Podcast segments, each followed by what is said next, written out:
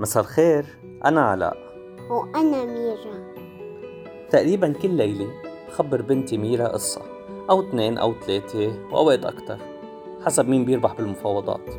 أحداث القصص مستوحاة من تجارب مشتركة مغامرات أو إشياء تعلمناها بالنهار. هون حوثق بعض هالقصص. والغاية الأساسية حفظهم لحتى يبقوا لميرا بس تكبر. بس هالقصص كمان هي إلكن. ولأولادكن وإخواتكن أو أي حدا من أقاربكم. فاسمعون وخبروني شو رأيكم وردة فعل أطفالكم. كمان شاركوني مغامراتكم. بركي بستوحي منها لشي قصة جديدة. bye bye. bye bye.